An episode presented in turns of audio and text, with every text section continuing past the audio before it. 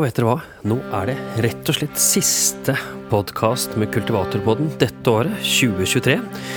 Vi flesker til med en liten julespesial. Det er lille julaften. Det er et vakkert vær utenfor Kultivator i Nordherad i Vågå.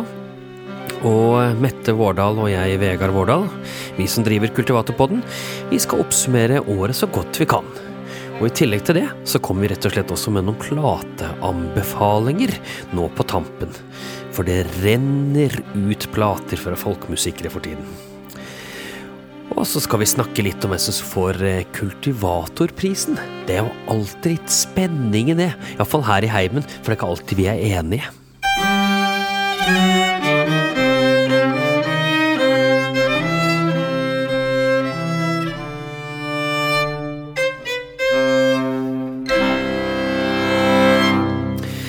Ja, og Mette, du sitter nå her i podkaststudio, og her har vi ommøblert, rett og slett. Ja. Ja, Så nå har det blitt en liten pult mellom deg og meg.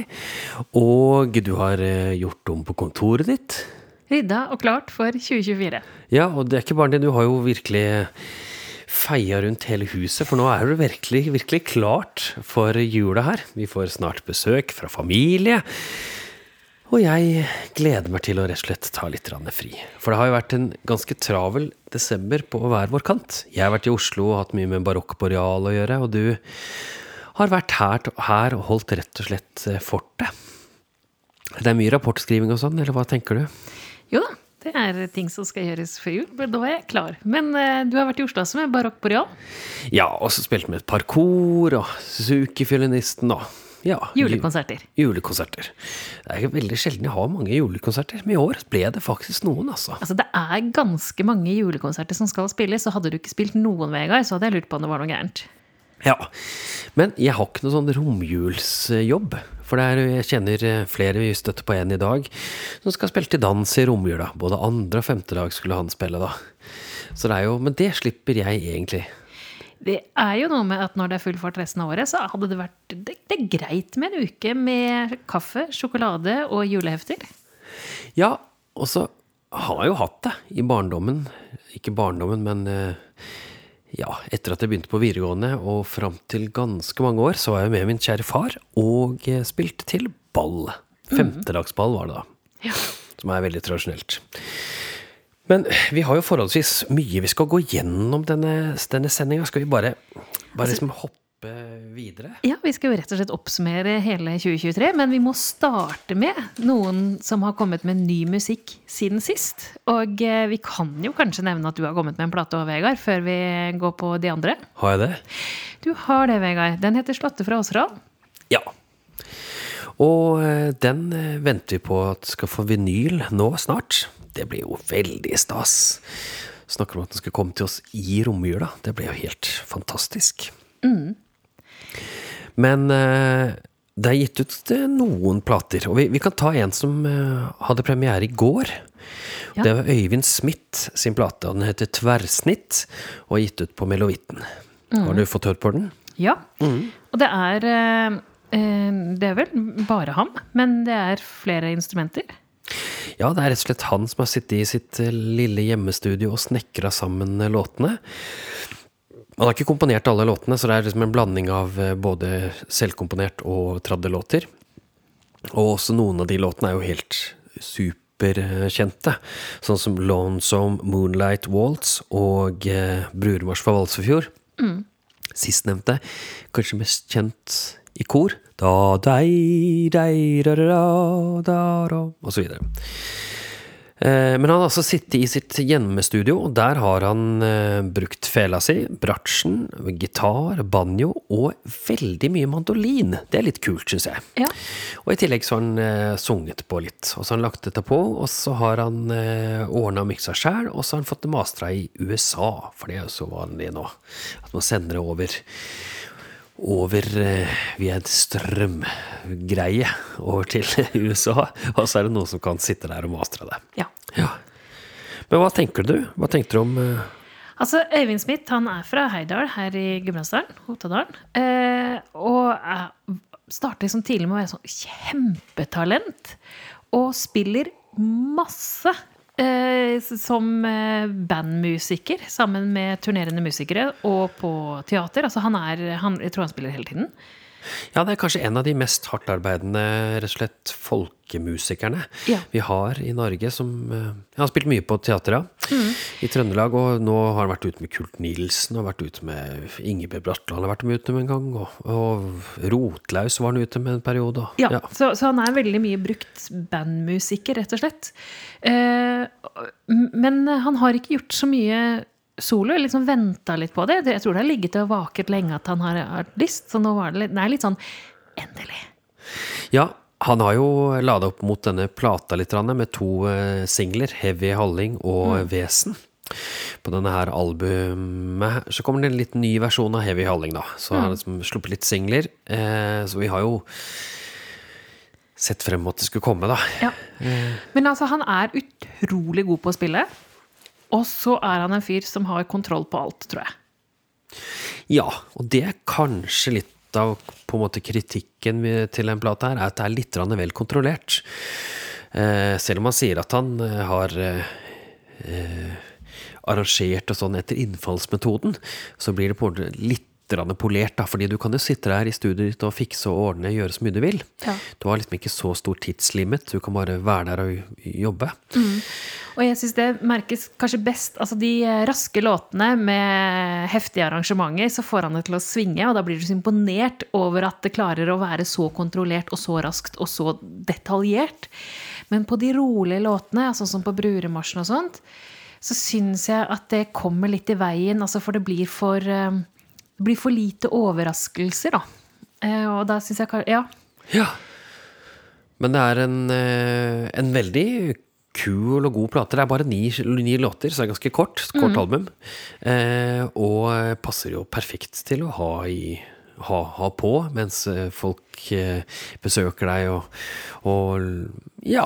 Ja. Altså for å få inspirasjon til å lage egne ting. Så det Ja, for han har jo av og til litt sånn asiatiske vibber, og så er det ganske mye keltisk, og så er det litt amerikansk. Veldig mye americana. Jeg syns det er kanskje Ja, der han er mest inspirert. Definitivt mest americana. Ja. Men det er litt sånn ulike ting som han blander og leker seg med, og det er jo gavepakken ved at det er så mange som nå har studioer, sånn at du kan sette deg ned og bruke lang tid på å jobbe fram sånne ting, og det har han definitivt gjort.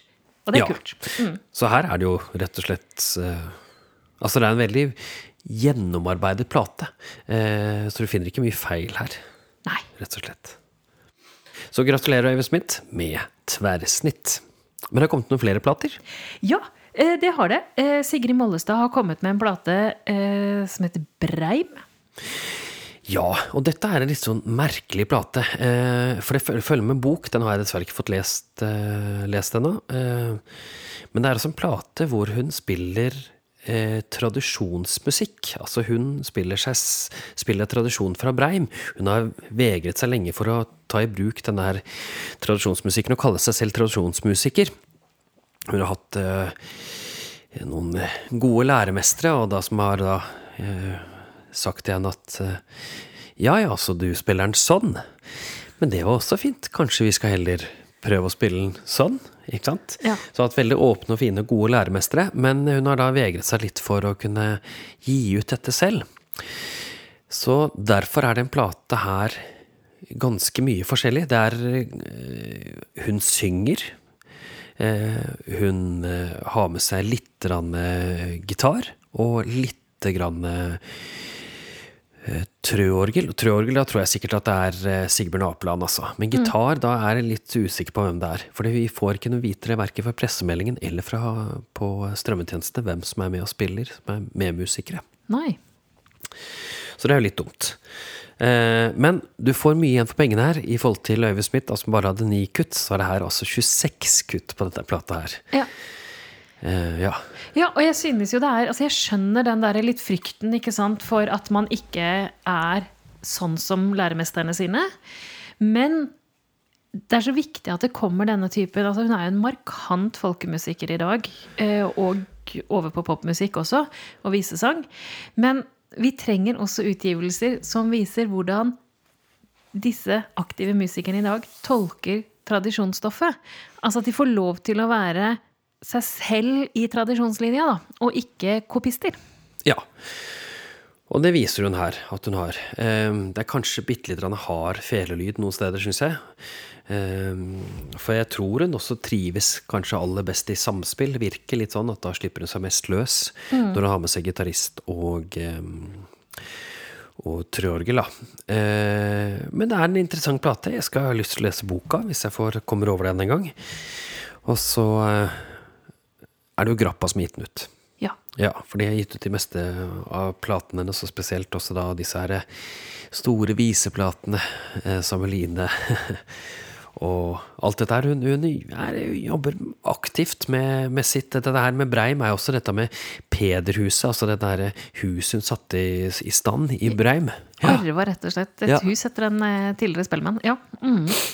Og der har hun fått til ganske mye liv. Så hun bruker mm. mye tid på, eh, på lokaltradisjonen sin. da. Så det er veldig Der er hun et kjempegodt forbilde for mange. Ja.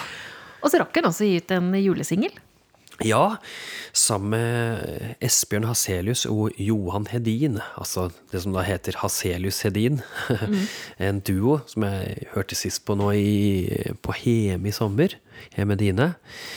Eh, veldig samspilt. Ekstremt dyktig duo. Nå som Vesen på en måte har blitt duo, eh, så vil jeg si at kanskje Haselius Hedin er gått opp til å bli en av de mestspillende spillende duoene i Sverige. Ja. Til og med over Vesen, tror jeg. De er kjempeflinke, og Esbjørn er veldig flink til å synge, og har den derre ja, vi har snakket om det før, at han har en sånn derre mannestemme som er veldig rolig, behagelig og skikkelig god, altså. Ja. Mm. Se opp mot stjernene heter eh, singelen. Ja, og her har de også fått med seg Sigrid som da, Moldestad, som da synger litt på denne her. Hva mm. syns du om den? Det er, det er en eh, veldig fin julesang. Ikke så altså det, liksom, den, er, den, er, fin. Det er en, går inn i tradisjonen visesang i julesang. Med litt folkemusikkpreg. Men det er veldig, veldig godt utført. Kjempegodt utført. Ekstremt uh, polert. Ja. ja. Det er altså Dette her er uh, Dette føler jeg er litt sånn at du tar uh, skal si, en, en, godt sminket skuespiller oppe på, på, der, som er bare Det er så polert, det er så fint, det er så mekka i studio. Eh, og den her kan du sette på, og det er ingen som kan liksom si at 'oi, dette her var stygt'. Nei, men, det går ikke. Nei, eh, veldig radiovennlig. Ja, veldig radiovennlig, og veldig sånn er ah, Sånn. Men samtidig Det er jo bra at det er dyktige folkemusikere som også lager radiovennlig stoff som kan spilles og spilles og spilles på P1 hele jula gjennom. Ja, men dette her er jo litt kjedelig, da, Mette. Ja, jeg er jo ikke Jeg er litt mer glad i ting som liksom river litt, da. Jeg merker det også når jeg velger julemusikk selv. Men det, vet du hva, det er smaken. Er som eh, Ikke laken, men som baken. Ja. Nemlig Delt.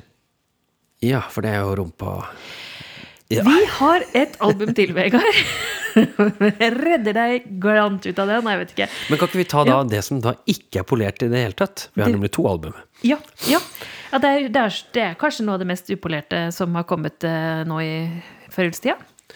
Ja, altså for Anders Sundsteigen Hana og Morten Johan Olsen eh, jo har på eh, har med na, Njals Jom Njåls Jom Som er gitt ut på Motvind Records. Kommet med en ny plate eh, som heter To.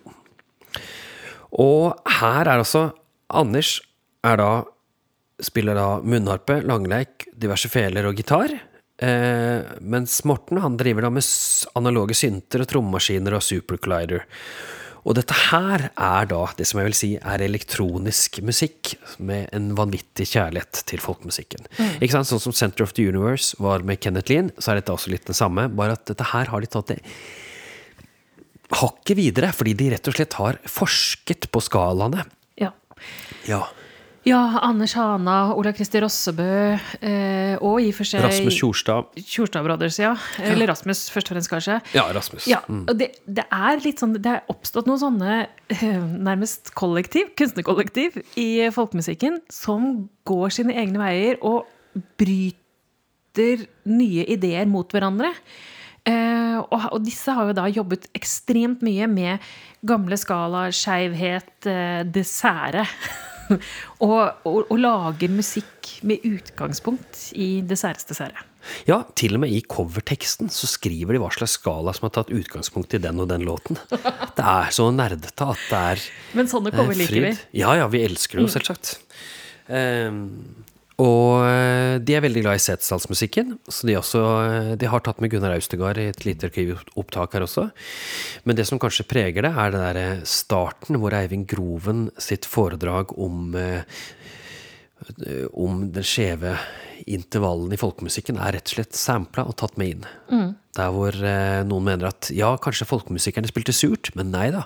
De hadde bare en ekstrem musikalitet, siden de kunne spille så skeivt. Ja.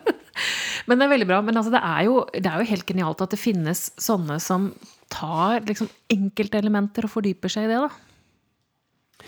Ja, jeg syns det er gøy, altså. For her, her har de brukt da den derre eh, langleken som, eh, som eh, Nils Røyne har laget, mm. med hjelp fra Anders Røyne, selvsagt. Altså der hvor du kan skyve på eh, en av notene som kalles det, eller båndene, sånn at du kan få det så skeivt som du bare vil. Altså mm. du kan forandre på tonaliteten hele veien. Det er ikke faste bånd. Eh, og da blir det jo ganske fint og surt og skeivt. Mm. Eh, og så er det munnharpeselskap som er skeiv i seg selv, og så er det feler hvor du kan gjøre hva du vil, og så har du da disse syntene som hjelper til å dra det hit og dit. Og de liker jo den derre gamle arkivlyden, så mm. her får du ikke noe sånn derre fin Altså dette er motsats til luxe til uh, Se opp mot stjernene. Ikke sant? Stjernene. Altså, Jom sliter med å komme på spillelistene til P1. Ja, det tror jeg. Eh, selv om det hadde vært veldig gøy hvis de hadde gjort det med en av de her. Eh, en av låtene, syns jeg. Men det tror jeg jo nok ikke. De kommer nok på den derre Jeg tror de skal komme på den derre internett lista. Altså eh, folk, alltid folkemusikk. Ja. ja, der kommer mm. det nok sikkert. Mm. Men, men, det er morsomt, og vi hører altså der, der De er veldig glad i de rammeslåttene hvor man har sånn nedstilt eh, bass. Så to sånne er med, og Nora Fjeldsen er også kanskje en av de. Så de er liksom glad i det der. Ja. Eh, men det er fint. Det er veldig kult. Det låter fett, mm. for å si det sånn. Eh, dette er kanskje et album som jeg virkelig kan anbefale. Mm. Men da mangler vi vel egentlig bare en juleplate, gjør vi ikke det? Jo, og det har jo kommet en juleplate. Ja, faktisk. Ja, På Tallik. Eh, Solhov med Solfrid Nestegard Gjeldok og Espen Vensås. Og så har de med seg noen eh, gjestemusikere innimellom. Eh, ja, de har faktisk med seg eh, to. Ja. Og den som gjør seg mest markant, er jo Johan Hedin, altså fra, som vi har hørt om tidligere i dag. Men i tillegg så er det jo Lars Inge Tveberg på orgel som er med. Og det er litt fascinerende hvordan de bruker, uh, bruker det, for han er på så vidt litt med. Litt sånn Nå har jeg hørt litt på Eilert Hægeland i det siste. liksom Litt sånn inspirert av den der at man bare ligger der og skaper et landskap som da uh, Solfrid, Johan og Espen kan uh, være på. Ja. Mm. Men hva syns du om denne plata? Jeg syns det, det, er altså, utrolig eh, mye bra julefolkemusikk. Eh, ikke noen store overraskelser sånn sett, men det jeg liker godt med den, er at Solfrid ikke har en veldig eh, skolert eller utstudert stemme. Altså den er veldig eh, folkelig å like til. Eh, og det, det liker jeg. Eh, det er sikkert begrenset hva hun kan spille inn av materiale, nettopp fordi at hun ikke har liksom, det store registeret nødvendigvis, da, som en skolert stemme vil ha. Men det tilfører liksom noe åh, Det blir veldig troverdig. Ja, og så ligger jo Espen eh, på gitarer, eh, altså eller sitt sistre, eller hva, kall det hva du vil, mandola, ligger liksom rundt han, henne og støtter opp om henne, samtidig som hun liksom bare bader i den lyden da, fra Johan og, eh, og Espen. Og det, det kler denne plata veldig godt, for da er det ikke nødvendigvis de store utbruddene som kommer fra, fra, fra Solfrid, at det blir veldig sterkt eller veldig svakt, men det sørger liksom arrangementet for. Ja. Eh, det er jo snilt. Arrangert. Det er veldig lite Det er liksom ganske langt fra Åshild Wetterud sin eh, 'Fra høge himmel'. Ja, men altså, det er en plate som er lett til å sette på under eh, julemiddagen eller eh, gaveåpning eller, eller hva det er, og så ha liggende eh, bak. Eh, Ja. Ja, det er det. Og eh, Torkjell Hovland, som har i Ballade anmeldt eh, litt julemusikk, han mener at dette er kanskje årets juleplate, rett og slett. Og han har jo da tidligere utpekt eh, Åshild Wetteruds sin eh, fra, med høge himmel, var det ikke det jeg kalte det? Jo, Eh, eh, I 2020. Og så eh, Marit eh, Karlberg og Frank Rolland og Sigbjørn Apeland sin juleplate fra i fjor, som het Julegjesta. Ja, og alle disse tre er veldig, veldig forskjellige. Og det igjen, ikke sant, helt fantastisk at det går an å gi ut nye folkemusikkjuleplater med tidvis samme stoff, men med så stor variasjonsbredde. Og så må vi trekke frem at Tuva Syvertsen har vært produsent på Solov. Ja, og Eh. med på et av kuttene som, eh, som og synger med på et av kuttene. Ja, Korer med. Og jeg tenker, nå vet jo ikke jeg hvordan de har jobbet i studio og jobbet med produsent, men jeg hører når jeg hører plata, er at her har det vært noen utenfra som har vært utrolig god på å si at dette funker, og rydda vekk litt, som gjør at du får et veldig godt resultat, da. Du får et rent resultat. Mm. Rett og slett. Eh, så dette her syns jeg er veldig, veldig, veldig veldig, veldig kult. Og det er en plate som virkelig kan settes på når som helst. Og den er ikke så polert som eh, noe annet vi har snakket om tidligere i dag. Men det gjør at vi liksom alltid Vi vil alltid liksom kunne klare å henge Hente oss inn igjen, da. Vi hører, vi hører den i bakgrunnen, så tenker ah, det skjer, ja. Det er kult. Og så kan vi gå videre, ikke sant. Det er litt, det er litt sånn crispy på et eller annet vis. Ja, mm. Eh, Så det er kanskje årets også juleanbefaling fra oss tre. Ja. Hm. Men det siste vi har igjen da, er noe som ikke er sluppet ennå. Som slippes For vi spiller jo dette her 23. desember, men 27. desember kommer Ævestaden ut med en singel. Men det gjør det sammen med Nilas. Som da er en eh, elektronikartist som rett og slett har laget en remix av, eh, av en av låtene deres. Og evig gjenkomst. Og eh, det er eh, Super Traditional som, eh, som slipper det. Og det blir Det er ganske fett. Jeg tror ikke du har fått tid til å høre på den ennå. Nei, men du har hørt den? Men jeg har hørt den. Og Altså, du får jo klubbvibber når, når ting er remixa. Det, remix betyr Jeg kan bare lese høyt hva som står på eh, internettet.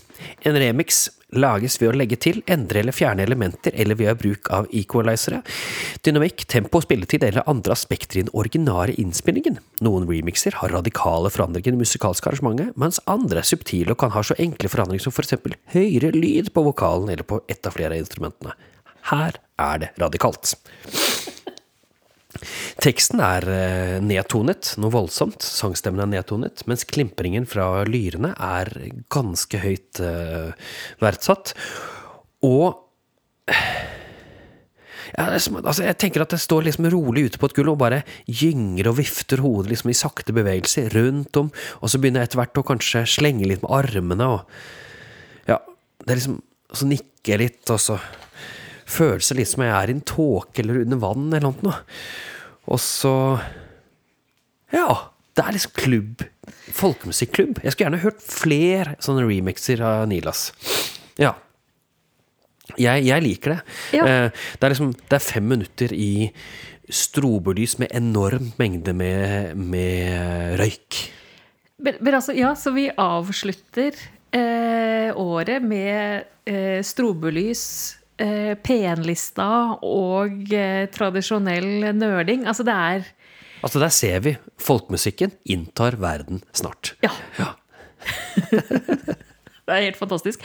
Men du, før vi går i gang og skal oppsummere 2023, så er vi nødt til å snakke om noe som skjer i 2024. For det er så bra, og det skjer før vi har neste podkastsending. Ja, vi snakker altså om dans, dans, dans, dans. Nei, det er bare tre danser. Ja, nei, det er bare dans, dans, dans. Og det er altså samarbeid mellom hele dansemiljøet i, eh, i Norge. Folkedansmiljøet i Norge. Det er altså en folkedansfestival på en hel uke. Eh, Og jeg vet at Riksscenen er ganske med i dette her. Eh, og- Senter for folkemusikk og folkedans, Ja. Folkorg, Norges ungdomslag, Bull Oslo, you name it. Ja. Eh, jeg fikk høre om det fordi de spurte om jeg kunne ha en sånn der folkedans gjennom historien i Leikaringen. Så da skal jeg ha det i Leikaringen i Bondeslaget i Oslo en tirsdag. Og så vet jeg at det skal være instruktørkurs. Eh, OME med Silje Onsdalin og Sivert Andreas Holmen skal settes opp. Eh, jeg vet at Anita Lange Ødegaard kommer med en eh, pitching av en ny forestilling. Jeg vet at Ingrid Lingås Fossum med venner skal sette opp en ny barneforestilling som heter eh, Danse med dokke. Altså, det er så mye! Dansefest med. Småviltlaget, Hot skal spille. Ja. Altså, ja. Eh, Og jeg tenker det som er genialt med dette konseptet, for først er det en uke, det er i Oslo, det er, det er lett å komme seg til. Og så er det på mange arenaer, det er mange forskjellige arrangement, sånn at du kan treffe de som har lyst til å komme på ett foredrag, kan komme og være med, og allikevel være med på festivalen. Og så kan du være i Oslo hele uken i månedsskiftet januar-februar og få med deg alt som skjer. Ja, du får altså eh, altså Det som er så morsomt, er at det er ikke bare på sant? Det er over hele. Det er både i, i Rosengrens gate, hvor Bondeslaget holder til. Det er i, i BLS, hvor eh, eh, hvor Byggelagsamskipnaden holder til, for det heter BLS. Altså Nord Nordahl Brus gate 22. Og så er det jo selvsagt på Riksscenen. Ja, det er liksom en ære til Altså, det Ja, det, blir, det blir kjempegøy, rett og slett. Og det skal være arkivdykk og Ja, det skal være mye. Ja. Så det kan vi jo anbefale. Sjekk ut Dans, dans, dans. Ja, de har begynt å slippe program på Facebook, så bare hiv dere rundt. Ja, ja. Men det var neste år. Ja. Vi, har, vi har litt å snakke om eh, det som har skjedd i år. Det har vi.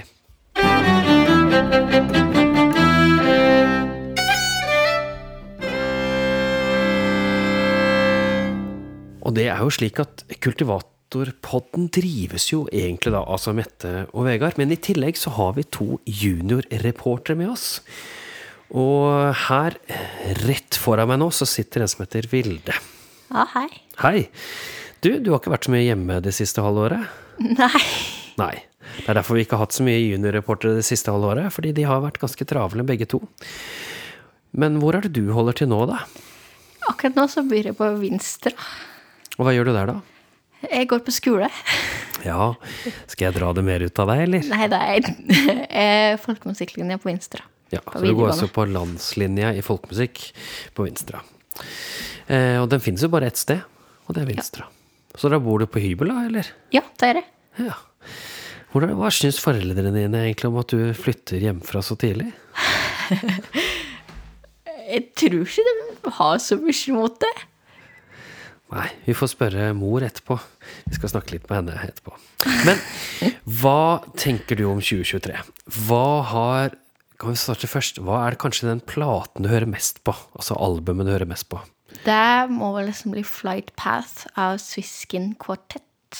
Ja, riktig. Det var altså en av de som var nominert til Åpen klasse i, eh, i Folkelarm. Hvorfor likte du den så godt?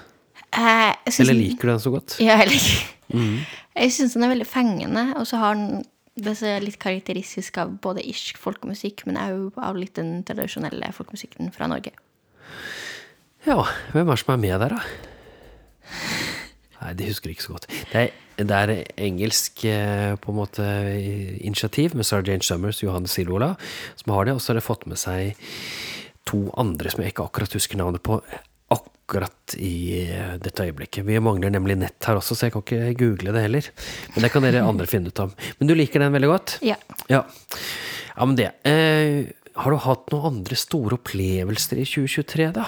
Ja, oss var jo også Veste nå i sommer, som var veldig koselig. Ja, hva var det så der? Eh, det var en forestilling der du hadde både folkemusikk og som var blanda med teater. Ja. Fortelling. Husker du noe hva det handlet om da? Ja, det handler om soldottere. Eh, som da var på en slags reise, tror jeg. Du hadde både soldattera og dattera til månen, din, som var de to rivaliserende partene, da. Ja. Og dette er jo samiske fortellinger som blir tatt opp. Ja. Og så var det Tuva Ferden som var Solens datter. Ja. Ja. Eh, hvorfor syns du akkurat den turen til Vesta nå på Sunne var så bra, da? Eh, for jeg syns det var veldig artig å se fikk inn folkemusikken med teatret. Og så syns jeg det var veldig bra. Ja, så kanskje vi må prøve å få oss med oss det neste år igjen, da, eller? Ja. Ja, det tror jeg nok vi må prøve å få til. Men har du flere opplevelser du har hatt i 2023 som du vil dele med lytterne? Ja, oss dro jo til Island og så litt på folkemusikken der òg. Ja, vi var i Island. Vi gjorde det rett før vi hadde dette Folkårjubileet i vår høstferie. Hvorfor syns du det var så gøy, da? Eh, det var jo litt artig å se på hva type folkemusikk de hadde, men så syns jeg det var artig å se på Island i forhold til andre land. Ja, hva, hva syns du var forskjellen, da? Eh, folkemusikktradisjon er det fordi at de har mye, mer sang enn det hele. de har for det meste kun sang. Eh, men selve landet var jo De har mer vulkaner, da, sjølsagt. Ja, det har vi fått se nå, da. Vi var det heldigvis eh, før, eh, før det var utbrudd, så vi var jo Ja. faktisk der hvor det var utbrudd. Det var oss. Ja, det var litt rart å har vært der. Ja, Se på det på nyhetene og se at der, for bare noen uker siden, så var vi der. Ja. Mm.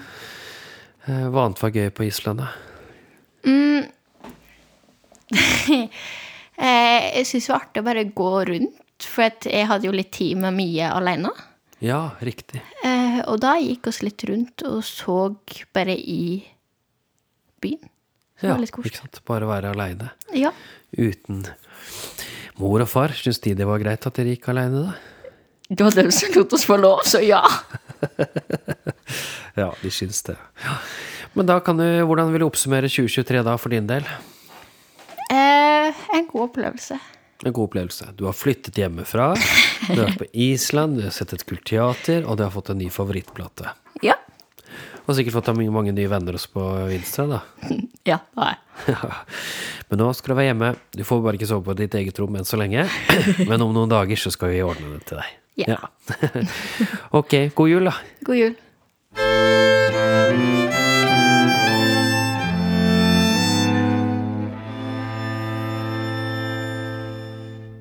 Og ut studiodøren gikk Vilde, og inn kom Mie. Hei.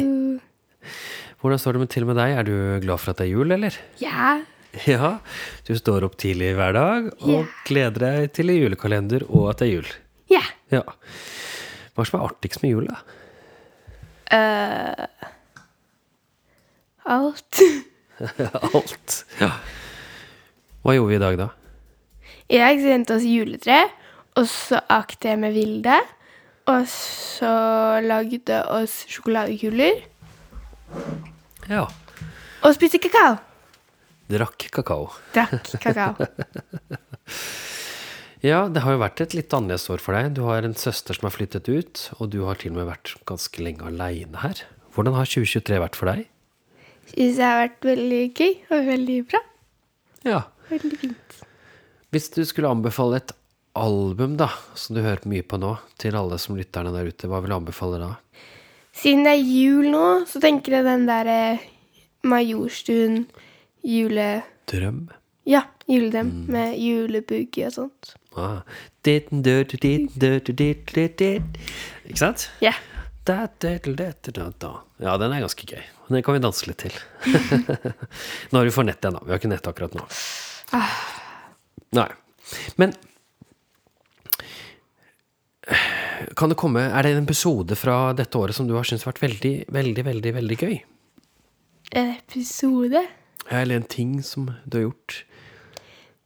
Mm, en ting jeg har gjort i år, er å ha et time med Sara. Sara Øvinge. Ja. For det var nemlig slik at du vant en konkurranse i fjor. Yes! Og vet du hva slags konkurranse det var? Det var uh, pepperkakemusikkbakekonkurranse. Mm. Hvor du bakte en langeleik i pepperkakedeig. Med langleikdokker. Ja, med dansedokker.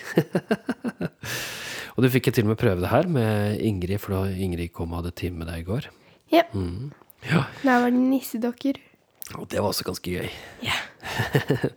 Men Sara Øvinge, så vant du det, så var vi rett og slett i Oslo, og så hadde, vi, hadde du en time med henne mens mor satt og hørte på. Fortell, da, hva du husker best fra den timen? da? Uh, jeg husker at hun lærte meg hvordan å, en, å finne en bra buånd. Ja, riktig. Hva mer, da? Uh, hun Jeg lærte hun fant og Fente. Du lærte hun fant og fente, ja. Ja. Så gøy. ja, så det var en ganske artig time. Ja. Ja, så bra. Ja, men da har du en, en god tanke der. Men så vet jeg også at du har en ting til på lista di. Noe som skjedde i sommer. Det er Strømkvekko. Ja, hvorfor er det så gøy? Det er fordi det er noe som skjer hvert år, og så kan, er det mange venner jeg har der, som jeg møter. Og så sover jeg på rommet di, og så er det krullerkro, og så er det kjempegøy. Ja, og så er det heldigvis så har du en far der som kan passe på deg hele tida. så jeg pleier å gå nattevakt og banke på rommet ditt og Nå ser hun altså til lytterne, så ser hun litt teit ned i bakken og syns det er teit. Ikke sant? Ja. ja. Gjorde jeg noe av det i år, da? Nei. Nei. Du skal få lov til å være helt aleine. Men bruker du for mye penger på godterier, da blir jeg sint. Nei, jeg ble ikke det heller.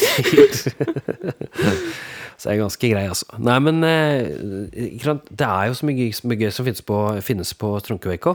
Så kanskje du har en anbefaling om at folk skal velge det, da? Ja. Ja. Alle sammen velger Strømkvekko. Alle må rett og slett velge Trunkevekko. Ja, men da er det en klar litt sånn romjulsoppfordring fra oss. Mm. Eh, er det noe mer du har lyst til å si før vi overlater stolen til din mor igjen? Har det vært litt gøy 2023? 2023 har vært et veldig morsomt år. Og du har blitt mer tenåring, og du har blitt mer selvstendig. Og du krangler mye, og du har det ganske greit. Ja. Ja. Mm, fint. God jul, da. Takk. Da sier du God jul, god jul. Ja,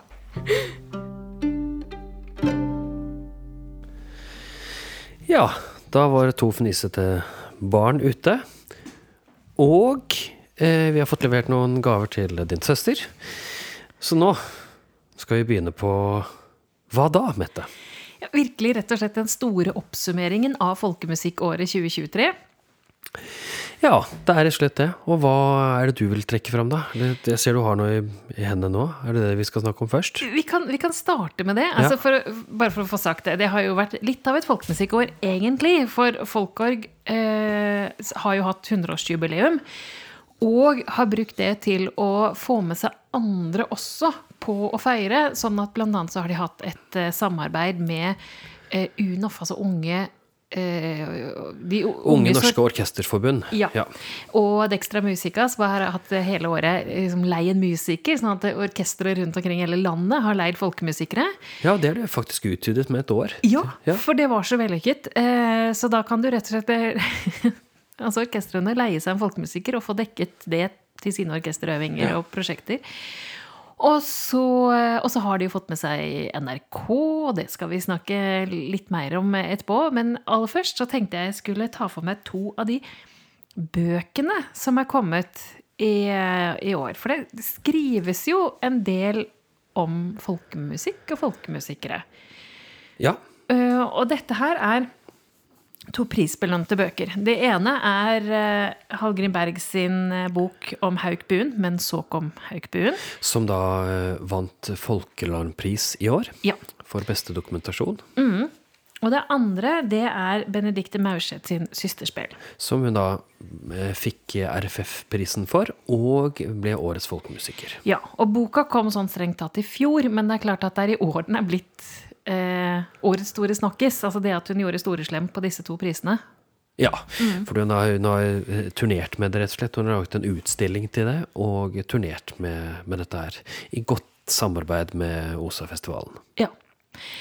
Og jeg synes det som er eh, interessant med det, er jo litt hvordan, hvordan skriver vi om folkemusikere? Hvordan skriver vi om folkemusikken? Og da har jeg lyst til å starte med å lese et bitte lite utdrag fra Hauk Buen sin, eh, sin biografi, eller altså Hallgrim Berg sin bok om Hauk Buen. Da står det Men så kom Hauk Buen. Energien lyste da han steig fram på scenen med feleskrinet. Raske steg, rak i ryggen, djupe bukk. Publikum så en tettvoksen, mandig kar. Han fylte den djupgrønne konsertbunaden fra Aust-Telemark perfekt. Eit harmonisk syn. Oi. Det er store ord, og det er jo egentlig det som kjennetegner denne boken. Altså, det er jo egentlig en ganske nøktern framstilling av et liv som bonde eh, og felespiller. Som eh, jeg, jeg tror egentlig altså, godt og langt liv. Og så eh, er den koblet med sterke minner fra Hallgrimberg. Fra, dette var fra første møte hans på Folkemusikkdagen i år. Første møte, ordentlig møte mellom Hallgrim Baug og Haugbuen. Og så fortsetter han å fortelle, og kobler da liksom en ganske enkel livshistorie. Altså, hvis du sammenligner med liksom, de store politikerne og, og, og, og Ja. Ja, ja, ja. Det er, det er ikke noen store tragedier eller voldsomme ting, men så blir det løfta opp da med dette her eh, liksom denne opplevelsen av å høre og se Hauk Buen. Em, en litt, eh, litt sånn høystemt romantisk form, kanskje. Eh, som jo tror jeg kjennetegner mange av de som hører spillet hans, men som også kanskje av og til kommer litt i veien for spillet. Altså at det blir litt sånn opphøyd. Eh, ja, litt uangripelig, på en måte. Men Men det er jo eh, Det er jo fint at det lages sånne bøker, og det er jo ganske spesielt Eller det er jo en krevende øvelse å lage en sånn bok kort etter at en mann er gått bort. ja. Altså, det er jo en styrke i det at det er Minnene lever jo, men eh, det er ikke den distansen til stoffet, så det blir jo en, en minnebok. Ja, det blir jo ofte det, og jeg ser at eh, flere av de andre bøkene vi har lest, har også litt av det preget. Jeg gleder meg til å, å, å lese denne boka om eh, Bolstad, som de har gitt ut på Valdresmuseet. Men den har vi ikke fått i hendene ennå, men vi skal prøve å få fatt i den. Skal vi gi et lite referat til dere der på nyåret en gang. Ja. Og så er det da denne boka til Benedicte Maurseth, 'Systerspel', som også da er en utstilling og en konsert. Eh, og det som må sies aller først altså, Det har vært snakket mye om kvinner som spilte, og jeg tror kanskje Sigrid Mollestad var den første som eh, trakk frem Semeline Seljestad som en sånn Seljeseth. Seljeseth, unnskyld. Eh, spelkvinne. Eh, og så har man etter hvert liksom ja, blitt oppmerksom på at man skal plukke frem disse kvinnenes tradisjon også. Eh, men Benedicte Maurseth er den første som har samlet det. Nå er det først og fremst Vestlandet, og det er først og fremst eller nærmest utelukkende hardingfele-spillende kvinner, tror jeg. Det er litt, litt variert, men det er eh, Hun sier hun ikke har funnet noe særlig på østlandsområdet. Oh, ja. Eh, og da tenker jeg at østlandsområdet har en jobb å gjøre. altså, jeg, jeg, jeg er helt sikker på at vi finner det her også, men det kan hende det er litt annerledes representert og annerledes eh, eh, Ja. At man må lete i litt andre typer kilder for å finne dem, da. Jeg tror nok det. det. Ja. Hun har også en del bilder i denne boka, og disse bildene, altså gamle fotografier, som har fått dekorasjoner fra en kunstner lagt oppå seg. Å ja, hvorfor det? Ja, det lurte jeg også på i starten, for det, det gjør jo at du blir litt utydelig. Og noen av bildene er jo av dårlig kvalitet, rett og slett fordi at de er gamle bilder. Mens noen bilder er eh, nyere. Men den effekten det har, at de har fått samme pynt oppå seg, er jo at tidslaget forsvinner. Altså om det er et bilde fra slutten av selvsagt. 1800-tallet eller et fra 1960, det blir likt. Men er det så bra, egentlig, det, da? Jeg Altså Som historiker så syns jeg dette er veldig krevende. Fordi eh, det blir veldig likt det hun Altså om det skjer på 1800- eller 1700-tallet, eller om det skjer i dag, så er det liksom ikke noe Det er ikke noe forskjell på det. Nei, ikke sant? Og det kan jo vi si som har studert historien. Det er ganske stor forskjell på, på det. Det er det. Ja. Og, og derfor så har jeg lurt veldig på prosjektet hennes. Eh, jeg har lyst til å lese et lite sitat her. Og det er om Lise Rasmusdotter Gyvald, som levde fra 1791 til 1873. Ja. Så en av de eldste. Eh, og hun skal ut og spille, og spille til bryllup. Og så skriver da Benedicte Det vert seint og gale, det veit ho. Altså, hun skriver seg inn i tankene til Lise Rasmusdottir. Og mange dager vil gå med. Det veit hun òg når en skal gjøre full jobb som spelmann. Slik er det å spela og lyfte andre som treng å lyftast. Det er det hun er til for. Ja. Og dette er altså det å tillegge en eh, relativt fattig eh, spelkvinne fra 1700-tallet en kunstnerisk ambisjon, det er jo ikke dokumentarisk. Det er eh, Det er skjønnlitterært. Det er skjønnlitterært. ja. Og det gjør hun veldig mange steder i boken. Og også eh, gjør hun det samme når hun har fått fortalt historier fra eh, Ambjørg Lien, f.eks.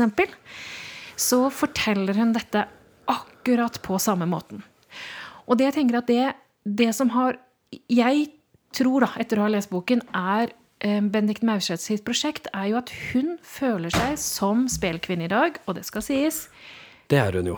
Ja, ja, det, ja, det er hun jo, og de er i fåtall. Altså, det er flere spelemenn som markerer seg, enn det er spelekvinner, selv om det er flere kvinner som, eller jenter som begynner å spille fele og hardingfele. Men det er jo Ja. Men at hun da har savnet et forbilde, eh, et kvinnelig forbilde, og at hun da skriver på samme måten som en spellemann kan sette seg på scenen og si at 'denne har jeg etter i tradisjon', og liksom ramse opp en rekke med mannlige forbilder som eh, som de har med seg i spillet, så har jeg liksom ønsket det liksom å ha, ha da dette galleriet av forbilder. Og det har hun jo gjort. Altså hun har skrevet de fram, men hun har også skapt de i sitt bilde.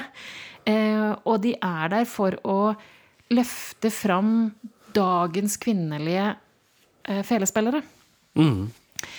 Eh, og det gjør jo at altså det å ha samlet denne informasjonen gjør at alle andre som vil skrive om dette, disse seinere, har jo et oppslagsverk. Eh, men som Det er jo helt fantastisk. ja, altså det er jo helt Og så kan man jo si ja, men skulle det vært gjort sånn? Ja, ok, men det er ingen som har gjort det. Ikke Nei. sant? Altså Det er noe med det at hun har gjort det. Men, men framstillingen, og akkurat det samme som hun har gjort med bildene, som da har den dekoren oppå, det er hennes framstilling. Det er kunstnerisk bearbeidet. Det er skjønnlitteratur i veldig stor grad, men da basert på historiske kilder. Mm. Nei, men Det er interessant. Jeg har dessverre ikke fått lest hele. Jeg har hatt med meg litt rundt, men det har vært så mye annet som skulle skje. Um, men jeg har veldig lyst til å lese den, og det er eh, Det at det gjøres et skjønnlitterært litterært grep, er jo på en måte ikke noe problem. Det er bare hvordan vi oppfatter og hvordan eh, disse kvinnene da på en måte har blitt brukt i et politisk budskap i dag, da. For det er jo det som skjer litt her, da. Ja, og det er jo, det er jo interessant da, at man At kjønn i dag er så viktig. Altså i dag som kjønnene er i større grad visket ut, så blir det også viktigere. Eh, dette her med at du må ha kvinnelige forbilder for å kunne få liksom den ballasten du trenger for å være kvinnelig eh, hardingfelespiller i dag. Da. Eller spille For hun har også noen, noen vanlige fellesspillekvinner Ja, inni der også. ja, ja, men altså, ja. Eh, ja. Nei, men eh, da er det jo egentlig bare en slags eh, oppfordring for oss at dere leser den selv og gjør dere opp med dere egne meninger. Her får dere Mettes uh, mening, så skal jeg se om jeg kommer med en annen mening til neste gang. Kanskje jeg har klart å lese den i jula? Det håper Ja. jeg. Ja. Ja. Ja. det, er, det relativt lettleste bøker, begge Ja. to. Så sånn, ja. Og så er det jo en oppfordring med å fortsette å lete etter andre forbilder. Altså at vi har en liten kanon med veldig mange spellmenn som blir gjenfortalt og gjenfortalt og gjenfortalt. Og det er fortsatt rom for å lete etter mange flere kilder.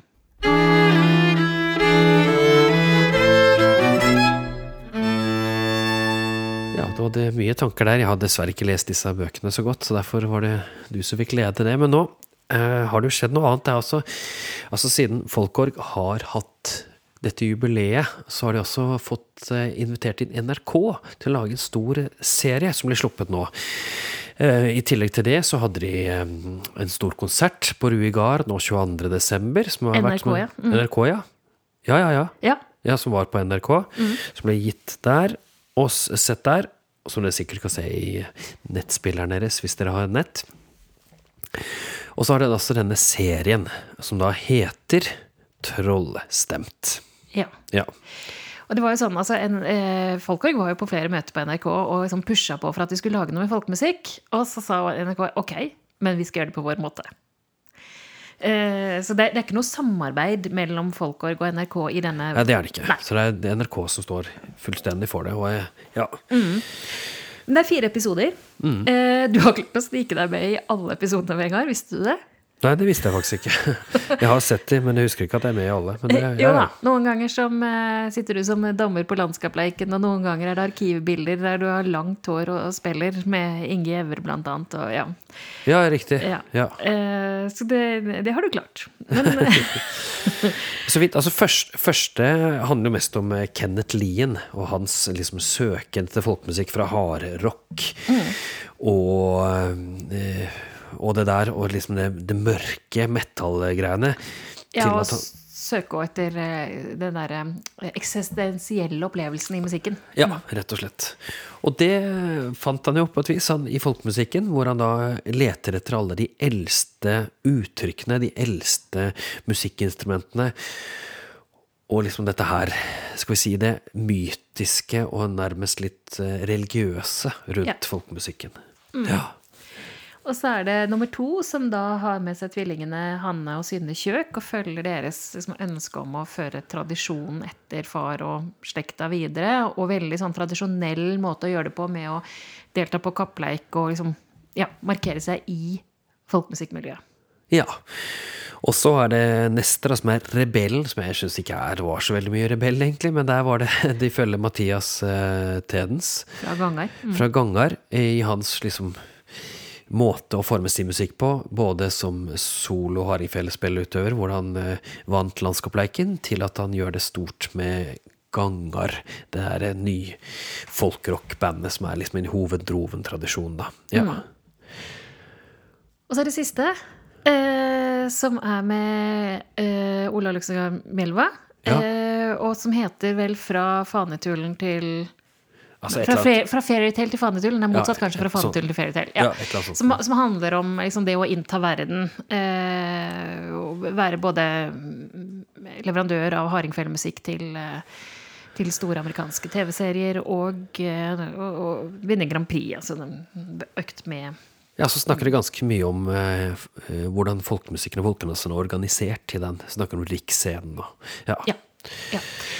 Ja. Men det, det som er helt klart, er at hvis du ser én episode, så får du et veldig skjevt bilde av Folkemusikk-Norge. Det er laget som en helhet. sånn at hvis du ser alle episodene, så får du en mye større bredde av at alt dette finnes i Folkemusikk-Norge. Eh, liksom, men men har liksom valgt disse fire historiene for å fortelle den. Og jeg syns det er interessant det du sier liksom om om rebellen. For det er jo ikke rebelsk. Og det er jo noe som jeg syns kjennetegner disse seriene. Altså for hvis du Den er laget for at alle som har tilgang på NRK, skal kunne se disse seriene og få med seg det som skjer. Og da har du jo da denne liksom store, store rebellen som Eller kontrasten, da, mellom hardrock-folkemusikken, Gangar, og eh, tradisjonalistene. Men det er en ganske skapt og, og konstruert debatt. Altså, det har nok mm, Altså, det er jo ikke samme sjanger, men det er lett for folk å få med seg at det å lage metal av folkemusikk er noe ganske annet enn å spille solo hardingfele. ja. Vi kan ikke si at Gangar er metal, det er ren rock. Ja. Men eh, det er, det er litt søtt at du syns det. Men, det, det, det, han sier det sjøl om, om, eh, om han sitter på arkivet sammen med far sin, og så sier han sånn 'Dette er metal'. Ja. ja. Men, men det var med et opptak og ikke et ja. Ikke sant? Men, eh, nok om det. men, men han blir liksom da frem, han skal være rebellen. Og så tenker jeg at hvis du da sitter og ikke vet noen ting, så, så blir du liksom lett fanga av denne, uh, dette veldig veldig forenkla synet mellom tradisjonalister og nyskaping, og det er så lett å få øye på dette. Men hvis du hører mer, så skjønner du, og det tenker jeg det er det som gjør det interessant også både for oss som kjenner miljøet, og for ettertiden, at de har med litt andre ting, men du må ha forkunnskap for å kunne skjønne det. For det blir sagt om Sigbjørn Bernhoft Osa, som for 50 år siden spilte med Saft på Ragnarok. Ja, i, i, på 70-tallet i Oslo. Rett og slett en sånn stor festival som var i, eh, i Holmenkollen. Ja. Og så har de intervju da med noen som spilte i Saft, og så, og så sier de ja, nei, det var jo kanskje noen, eh, noen folkemusikk eh, eh, tradisjonalister som rynka litt på nesen. Men den største konflikten, eller den største reaksjonen, fikk vi fra Egil Moen Iversen. Og det man da må vite, er jo at Egil Moen Iversen han har jo ingen forhold til folkemusikken, egentlig. Han er jo klassisk skolert. Og han var en sterk motstander av rockemusikken. Så poenget var jo egentlig ikke at eh, at dette var en sjangerblanding som han var redd for folkemusikken. Poenget var at han ville overhodet ikke ha noe med rockemusikken å gjøre. Helt korrekt. Ja, Sigbjørn Bernhoft Osa var jo ganske godt likt av Egil Monn Iversen. Definitivt. definitivt. Så han, Egil Monn Iversen var nok da litt sånn altså, ikke sant, at, han, at Sigbjørn Bernhoft Osa da var så musikalsk åpen at han gikk til rocken, det syns han ingenting om. Og derfor må man liksom måtte beskytte Sigbjørn Sigbjørn Bernhoft Osa mot rockemusikken, for det var det som var faren, ikke egentlig sjangerblandingen. Men jeg tenker at du, ja, du skal ha ganske mye kunnskap for å kunne få det, selv om det kommer det kommer liksom noen smådrypp innimellom, sånn at du kanskje kan få det med deg, men det er fryktelig vanskelig. Eh, men det gjør jo også at, at hvis vi tar denne debatten, da, for det er klart at det er en debatt som går, og som alltid har gått, mellom tradisjon og nyskaping. Men det er jo ingen debatt om du skal spille tradisjonelt, eller om du skal spille med rockemusikere. Eh, nei, det er ikke det lenger. Altså, selv eh, de store tradisjonalistene i Norge sier ikke at det er noe problem. Kjør på. Ja. Ja. Eh, Så lenge du på en måte ikke tar alle de formene du spiller da med rockemusikerne og lærer bort eh, lokalt og sier at det er den lokale folkemusikken. Ikke sant? sant? For det er jo det som er saken. Altså? For det er jo endring av tradisjonen man er redd for. Ikke at tradisjonen skal brukes i andre sammenhenger. Det er det vi sier her hele tiden. La folkemusikken ta over i verden. Ja, Ja. ikke sant? Og, og det eh, er jo folk egentlig ganske åpne for. Det gjør at da, eh, sånn som eh, Odd Nordstoga og eh, Ingebjørg Bratland og alle disse blir jo tatt veldig godt vare på av folkemusikkmiljøet. Til og med Odd Nordstoga går hen og vinner Landskapleiken, ikke sant. Altså, det, er fordi vi, vi, han gjør så mye bra. Eh, og samtidig som Altså for folkemusikken, men samtidig så tar han liksom ikke og ødelegger den eh, Ja, han lærer ikke bort noe som er feil, på en måte. Nei. Han har veldig stor respekt for det. Ikke sant? Man bare åpner opp landskapet. Riktig. Eh, og det jeg tenker da, er jo at man får opp et altså Vi skal si at det er tre nivåer på debatten. Så det første, som jo da er folkemusikk versus andre sjangere, som jo da liksom blir satt frem som om det er en konflikt, som ikke egentlig er en konflikt. Og så er det en konflikt mellom bygdans og runddans, eller eldre og nyere tradisjoner, og da måtte de grave litt i arkivet for å få noen eh, krasse utsagn. Altså, det er heller ikke egentlig en konflikt lenger. Nei. Men så er det det som er konfliktlinjen, og som de overhodet ikke kommer borti fordi den er for vanskelig å forklare, og det er framføringspraksisen. Ja. Mm. Og det har jo vært en av de store, store, store diskusjonene i høst etter landsfestivalen, hvor det var Madam Jam som kom til finalen, og som da utfordra selve framføringspraksisen av gruppespill på landsfestivalen. Ja, av gammeldans, rett og slett. Ja. Og det har gjort at flere eh, som eh, ikke liker dette her, de har meldt seg ut av folkorg i protest. Så det er jo en stor dette, Her snakker vi om debatt, faktisk. Her snakker vi en, en betent debatt som gjør at folk ikke har lyst til å komme på landsfestivalen lenger. Folk vil ikke spille. Folk føler seg Ja, hva skal vi si eh, Både såret og misforstått, ikke sant?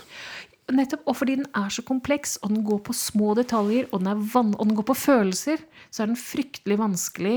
Altså, NRK tror jeg bare har gitt opp. Altså, det, for dem hadde det vært helt umulig å få forklart dette for Gud og hvermannsen. Nei, det går ikke. Nei. Altså, Hvorfor skal det ikke være lov til å spille dobro eller banjo i, i folkemusikk, liksom? Er ikke det folkemusikken som heter, vil jo Gud og hvermannsen si at det er greit. Ja. Eller Geir og hvermannsen, skal vi kanskje kalle det i dag. Eh, Ja. men, men, men for oss som er inne i miljøet, så er dette eh, forholdsvis heftig, altså. Ja. Eh, Så styret i Folkorg har gått ut med flere brev, de har hatt møter med aktørene. Eh, Ja. ja. Så skal de ha nytt dommeseminar nå over på nyåret. Ja, og der er Tom Willy Rustad invitert inn til å snakke om denne gammellandsstriden, rett og slett. Ja. Eh, så, så, så tenker jeg at NRK har helt rett i at det er en debatt der. Men de klarer ikke å fange den opp fordi den er så nyansert og vanskelig.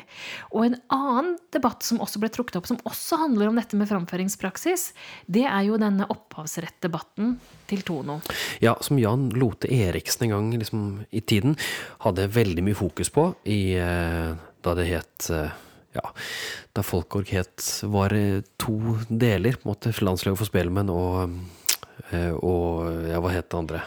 Eh, folkemusikk Norsk Nei, spill Nei. Åh! Norsk, folkemusikk og folkedanslag, et eller annet sånt. Ja, Jeg husker ikke. Det spiller ingen rolle, de er har slått sammen nå. Og Jan Lote Eriksen hadde en, jobbet masse med dette her, og gjør, at sånn som Kirsten Bråtenberg og flere andre er liksom ganske opprørt. Fordi Ja, fordi man ikke får Tono-penger for det arbeidet man gjør med å tolke tradisjonsmaterialet. Fordi det har ikke vært noen tradisjon for det. Man får ikke tonepenger for å tolke en renessanselåt heller, eller tolke Mozart, eller Nei. Ikke sant? Nei, fordi altså, hvor går grensen for kunstnerisk bidrag? For du får Riktig. tonopenger, det er da for åndsverket du har lagt inn i det. Uh, og jeg kom i skade for, uh, sist vi snakket om dette, det var da vi gikk gjennom eh, Folkealarm-nominerte, at det var Anne Hytta som hadde startet det denne gangen. Det stemmer ikke, det er Ingrid Jasmin som har startet Ja, det var henne, altså, som dro det ja. opp, og så har flere Stemmer. Ja. Men det er jo også en stor diskusjon, og som vi snakket om så vidt når vi snakket om plata til Sigrid Mollestad fra Breim. ikke sant? Hva Er du en kopist? Altså bare Er du et ledd i en framføringstradisjon der du gjør det som er gitt deg? Eller er du en medskaper som da burde gitt grunnlag for toneuttelling for det du framfører, når du framfører tradisjonelt stoff? Ja, og så er det det at arrangement gir ganske lite uttelling, mens det som gir mest uttelling, er jo komp komponering. komponering. Og da er det det som da kalles eh, revitalisering, eller i en enda videre grad rekomponering. Og det er det mange som har begynt å gjøre nå med. Altså Ja. gjøre i, i musikk eh, Noen som har tatt Vivaldi, og så er det rekomponert det, fordi Vivaldi har vært død så lenge at det spiller ingen, liksom, ingen rolle hva vi gjør med musikken. Så er det rekomponert, og så får de nye tonepenger for det. Ja. ja og, og jeg synes jo at altså, og, og i NRK så får du ganske Eller NRK-serien så var det ganske mange folk som, eh, som liksom snakker om hvordan det er å spille musikk. Og jeg tenker at det er et oppkomme av argumenter og beskrivelser av den kunstneriske prosessen som vi bør bli mye flinkere til å snakke om og få ord på å gjøre. Ikke, ikke Altså, ikke, det er ikke pengene som teller, det er ikke det som er poenget. Men fordi det er en viktig jobb. Og jeg tenker Når du spilte inn 'Slåtte fra Åseral og hadde liksom disse bitte små eh, arkivopptakene som var Ja, veldig sånn unnselig små arkivopptak hvor det prates mye, og det er eh, støy i bakgrunnen, og noen ganger så spiller han slåtten feil de to første gangene, og så sier han ja, nå, nå er det, ikke sant? Ja. Så det, det er mye tolking ute og går. Tolking og medskaping, for du skal få rester til å bli musikk. Ja. Ja. Um, Det er litt sånn som du var en del av eh, med dette bunads- og folkedraktmiljøet. Altså, eh, hva kalte dere det? Disse nye draktene, folkedraktene, i motsetning til bunadene. ja, de rekonstruerte. Ja, ikke sant? Riktig, for her er det snakk om å rekonstruere en tradisjon også. Ja, og, og noen har måttet gjette en del, og noen har kunnet velge blant et stort utvalg. Altså det er, ja, Hvordan forholder du til tradisjonen? Så dette syns jeg man skal bli eh, altså Dette er jo en jobb framover for å bli flinkere på å snakke om og jobbe med. Og jeg har lyst til å avslutte denne bolken med et sitat av Lars Mjåland. Fra Åseral, en fyr som var i Åseral en stund, og så dro han til USA, og så kom han tilbake da han var syk og gammel. Ja, altså han dro på 20-tallet og kom tilbake på 50-tallet, men i de 30 årene han var vekk, så hadde han fortsatt næringsinteresser og verv i Åseral og i Agder hele tida, så det var tett kontakt. Men han skrev det, og det var før han dro, så var på 20-tallet. Med litt finne at den gamle grunn å bygge lenger der med en gang kom på avveier. Ikke til å skryte av, men med vyrdnad for det, og med, alvor, eh, og med alvor til å skape noe nytt med gamle mønster. Ja. tenker jeg at eh, ja, det avslutter eh, samtalen i 2023. Skrevet 100 år før det. Av Lars Mjåland. Ja.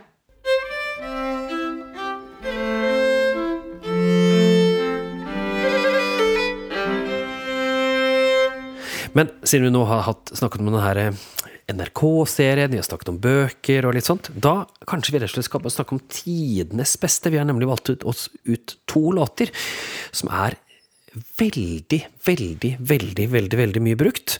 Og det er altså Et barn er født i Betlehem og Haugebonden og Draukve. og Draukve, altså. Jeg ser at vi har valgt tre. Og dette her fins overalt. Og eh, Solhov, som var den siste plata til Solfrid nå, der har hun til og med med to varianter av Et barn er født i Betlehem. Og eh, hvis man går inn og ser i gamle notebøker, så kan man altså se at Et barn er født i Betlehem er en av de mest nedskrevne melodier og eh, vers som man kan finne i folketradisjonen i dag. Ja, altså dette er, dette er på en måte standardrepertoar av eh, folkemusikk julesanger på hvert sine vis. For et barn født i Betlehem er jo en del av salmesangen eller den religiøse julesangen. Ja. Og da lurer jeg på Vi må gå eh, Vi har holdt på ganske lenge i dag, så det blir kanskje tidenes lengste podkast. Men vi går rett på sak. Vi tar Haugebånd først. Ja.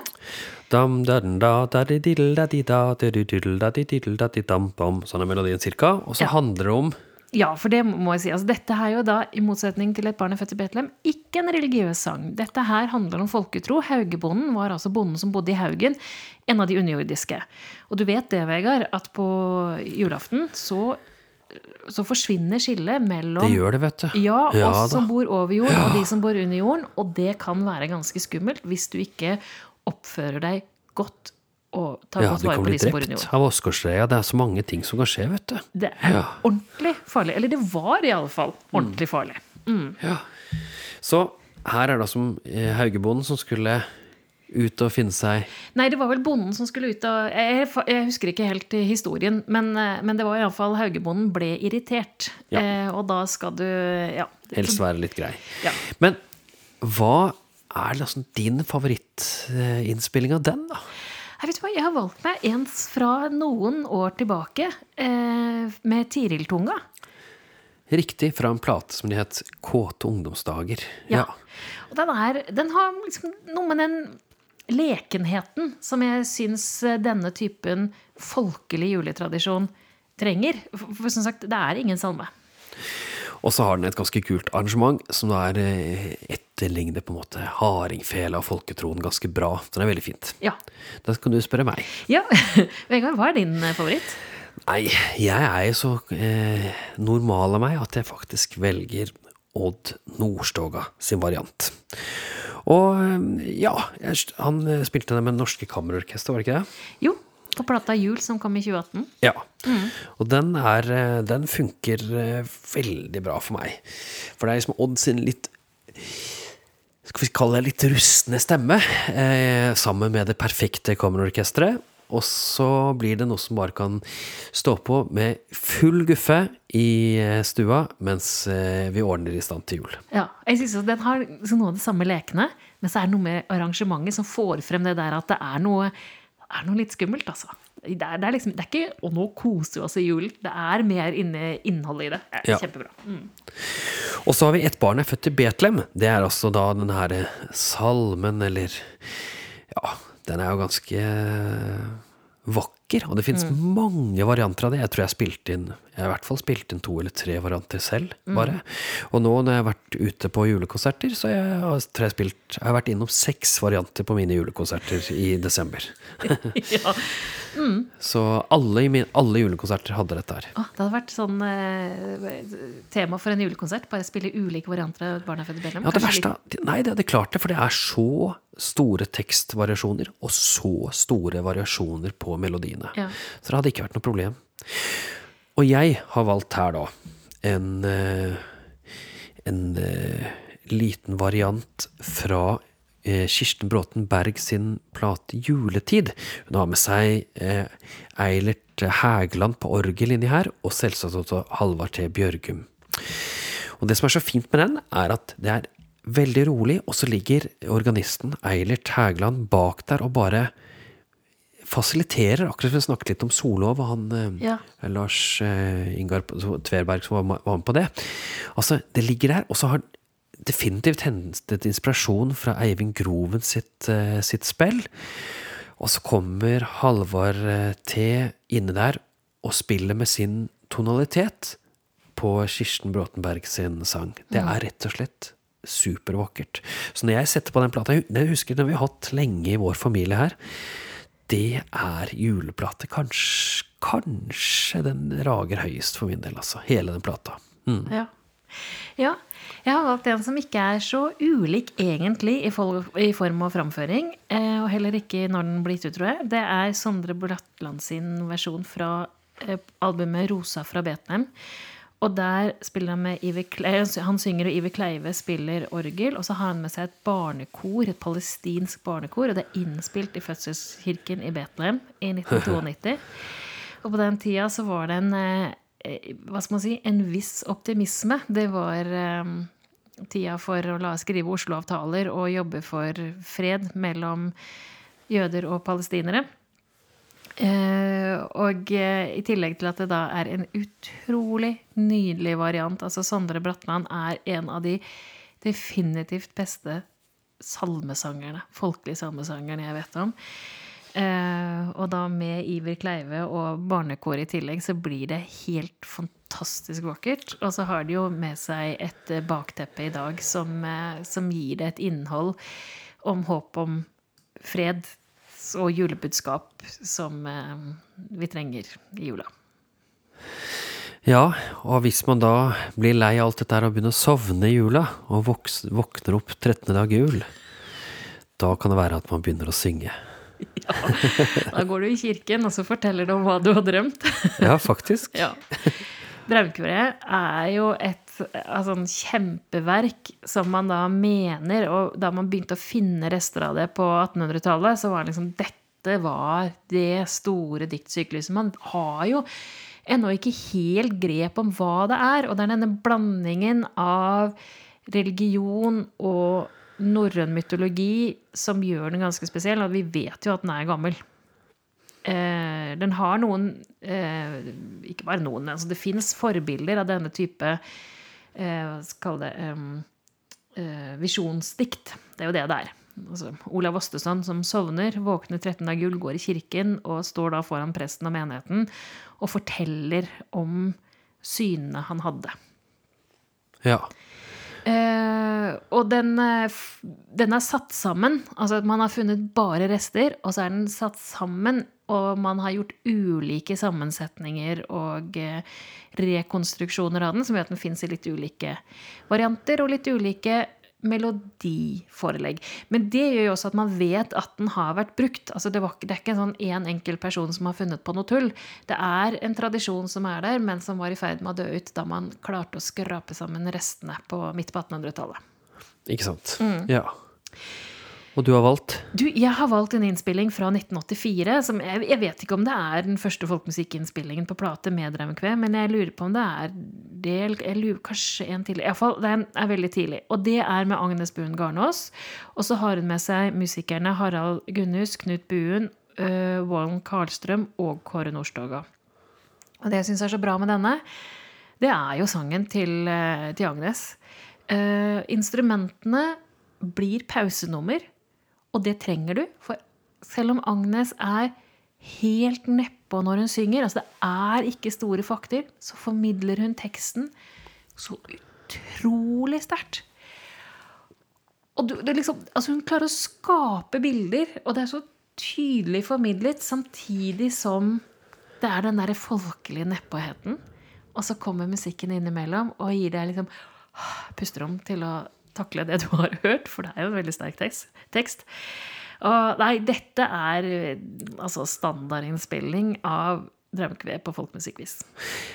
Og det er veldig få som klarer å slå denne her, og det gjør ikke min heller. Så eh, den, den du har på, er på topp. Men hvis du skal ta noe som er motsatsen, og som jeg da fikk lov til å oppleve live også, er Draunkve i Arne Norheim sin drakt. Og det er gitt ut på Simax i 2006, og heter The Dream Ballad, eh, Draunkvedet. Og da er også Kringkastingsorkesteret med.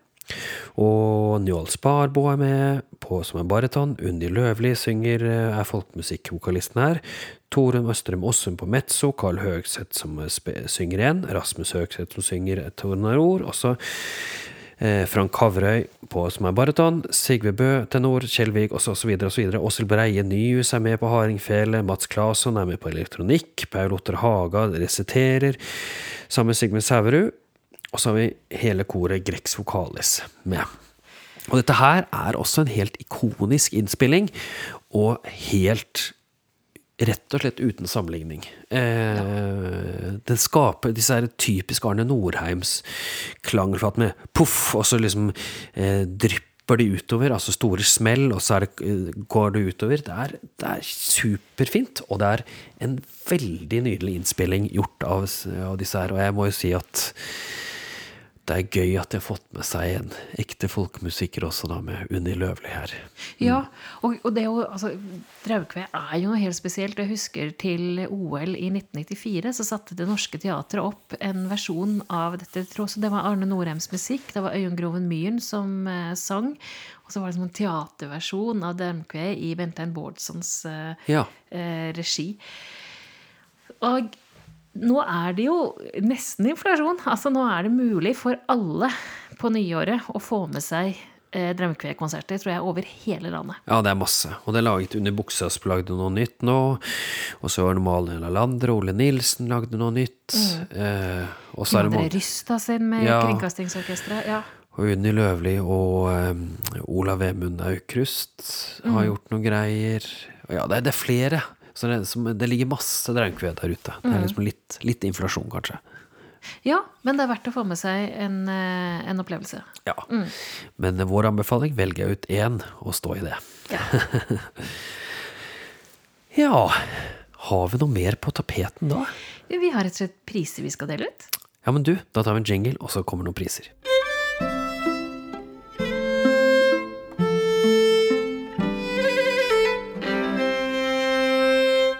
Og da, godt inn i andre time av Kultivatorpodden sin julespesial, eller årets eh, spesial, oppsummering, så skal vi rett og slett kåre det som vi pleier å kåre, nemlig Kultivatorpodprisene. Fordi vi har jo vært på Folkelarm mange ganger, og det er noen kategorier som vi syns mangler. En av dem er årets video, for det blir jo faktisk produsert en del videoer i folkemusikklandskapet der. Mange av disse f- får premiere på Ballade, for de er veldig flinke til å eh, fronte videoer. I tillegg til det så vil vi ha årets cover, altså hvem som har laget det beste coveret. Og vi snakker ofte varmt om produsenter her i Kultivatorpodden, at det er lurt å ha med seg produsent når man har et album. Og det siste, det er hva da, Mette?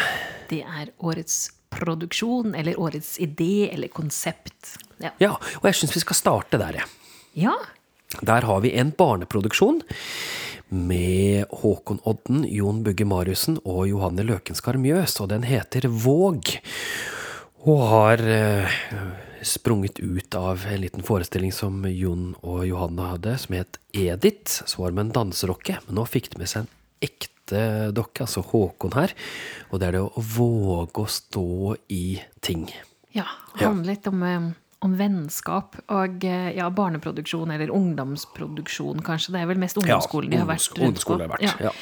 Og har vært rundt på et hav av skoler med DKS, og også vist den litt andre steder. Og det er eh, det- er så bra når det lages sånne helstøpte produksjoner som får lov til å reise rundt, eh, og som er så Det å sette litt sånn sårbare tema eh, under debatt ved bruk av folkerans. Det er gøy. Og så har vi Dextra Musica, som er faktisk altså Dextra Mus Musikk, som da har eh, rett og slett eh, Vi har lyst til å nominere fordi de har De lagde en sånn uke på Nasjonalmuseet, hvor de virkelig fronta eh, gamle instrumenter, og også derimot hardingfele, og satte fokus på folkemusikken. Ja, et samarbeid med Nasjonalmuseet. Hvor det var massevis av konserter og utstillinger og foredrag. Og er liksom festival. Ja. Og det er her da Mia hadde eh, time med Sara Øvinge. Ja. Og eh, det var en eh, Og det Dextra Musica har gjort gjennom hele dette året, har vært ganske fascinerende. Mm. lånen, folkemusiker og alt dette her. Ja. Så de uh, syns vi også skulle vært nominert her. Og så til slutt så har vi Det er billettmerket Heil ved forestillingen til Ådne Geike Kolmjøshus, som hadde premiere på Riksscenen i Var det 13. oktober? Nei, september. September. September, september ja. Mm. Ja. Og det er hans eh, Det var et liv om han, og det at han var singel, og hvordan det var, og det å Date, rett og slett. Date. Ja. Og det å bli grepet av noe, som han ble da med. Han ble en skikkelig vedgubbe. Ja. Så det er eh, en fantastisk forestilling hvor Sivert Andreas Holmen også var med. Og gjorde mye ut av seg, eh, sammen med eh, en Andreas Bratteli på perk og sang og piano. Så de fire var det som hadde dette her. Det var gøy. og så Masse, masse, masse ting som var med. En tilhenger, og det var så mye ved der, og det var så mye stæsj på den Ja. forestillingen at du aner ikke. Ja. Men da skal vi kåre vinnerne her, og Ja. det er Våg Med Jon Bygge Mariussen og Håkon Odden. Og, og Johanne Løkkenskar Mjøs. Ja. Så gratulerer. Dere får sendt en eh, liten eh, oppmerksomhet i posten fra oss. Neste er video, og det er litt interessant. For det, det er altså veldig få som egentlig eh, snakker så mye om videoene til folkemusikerne. Og altså, Ballade er veldig flink. Det må sies hver fredag så har de altså premiere på det. Og der er det Arvid Skanke Knutsen som tror jeg står liksom i han er, eh, han er redaktøren for Balladevideo, som da kommer hver fredag. Mm. Så, og her har vi eh, nominert uh, Ingrid Jasmin. Ja, eh, Safir heter hennes eh, video. Og eh, eh, altså Det er moderne hiphop-dans som presenteres. Men altså, det, er en, det er en ganske typisk dansevideo, egentlig. Men hun har altså med seg eh, Tove Wetterus, Tuva Ferden, Mattis Kleppen og Alexander eh, Kostopoulos. Som, Kostopolis. Kostopolis, ja, som, eh, som spiller. Og eh, på mm, hardingfele og eldre folkemusikkinstrumenter. Og eh, det er så kult med hiphop-video til eldre folkemusikk. Ja, Ja. det er stilig. Mm. Og så har vi Og så er det gangar til dorisk video. eh, dorisk Doris Ja, Doris Reil. Dorisk video. Er Ja, det, det er en egen låt. Vi slipper singelen på nyåret. Beklager at vi røpte det her. Men det er en ren konsertfilm. Nei, nei, nei. Nei? Nei, de har, eh, det er eh, litt sånn eh, westernstemning. Med skytevåpen og Ja, ja, selvsagt. Ja. Mm. Litt guttastemning, nesten. Ja, Mm. men det er liksom Det er den derre gangar-feelingen, da, i det. Ja. Mm. Og så har vi Ævestaden med motorbåt. Mm. Som er da en ganske stor produksjon, med, hvor de sitter inne i et lite rom i Oslo, og så skal de ta den motorbåten for å komme ut. For jeg vil, hvis, hvis det hadde en motorbåt, så kunne jeg nå deg, Ja. heter den. Ja. Det er litt sånn 'jeg ser deg, jeg ser deg', men kan ikke komme Kan ikke til deg på oppdatert versjon. ja. Ganske lang. Eh, ganske Åtte minutter. Ja, og meditativ på samme måte som musikken er det. Så de kler hverandre veldig godt. Ja. Og av disse tre så har vi utpekt en vinner, og det er, Mette Det er Eves- Det er Øststaden. Ja. Det er en gjennomført god produksjon. Eh, Det, er, det kler musikken. De tre er med. Det er en stille, rolig Jeg skjønner at det er vanskelig å få mye oppmerksomhet rundt den, men den er rå. Ja. Se på den og lytt til den. Det er nydelig. Mm. Så en liten oppmerksomhet fra oss kommer til dere. Mm. Så har vi årets produsent. Ja.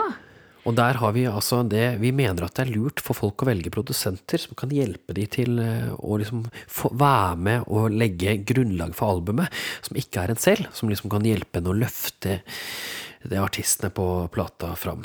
Og her har vi eh, først eh, Anne Hytta, som er nominert for å være produsent for Bjørn Kåre Odde og Sivert Holmen sin plate Føreferd.